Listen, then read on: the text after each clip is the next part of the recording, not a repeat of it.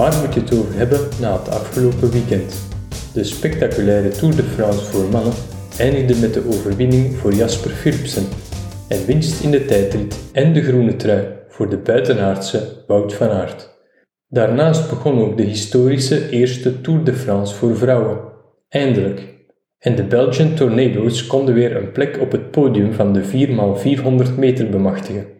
Op het WK Atletiek in Eugene haalden de mannen brons op slechts 14 honderdste van de tweede plaats. Een prachtprestatie. Wie op het WK in Eugene niet op het podium te zien was, was pechvogel Anne Zagré. De hordeloopster is absolute top in België en raakte op alle WK's sinds 2011 tot in de halve finales van de 100 meter horde. Op het vorige WK in Doha haperde ze in die halve finale bij de laatste horde en raakte al vallend tot bij de streep. Afgelopen weekend was het dus tijd om revanche te nemen. Zagré loopt in haar reeks op de vijfde plaats wanneer de loopster links van haar in de fout gaat en zowel haar laatste horde als die van Zagré omverloopt. De Belgische finisht in 13.25, niet genoeg om naar de halve finale te gaan en alweer speelt de laatste horde een rol in het verhaal. Gelukkig oordeelt de jury dat ze duidelijk gehinderd werd.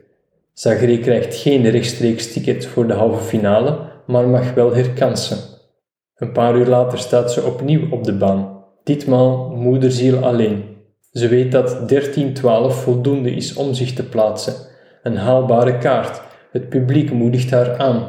Vlak voor de laatste horde zegt de sportza-commentator: Ze maakt geen fouten.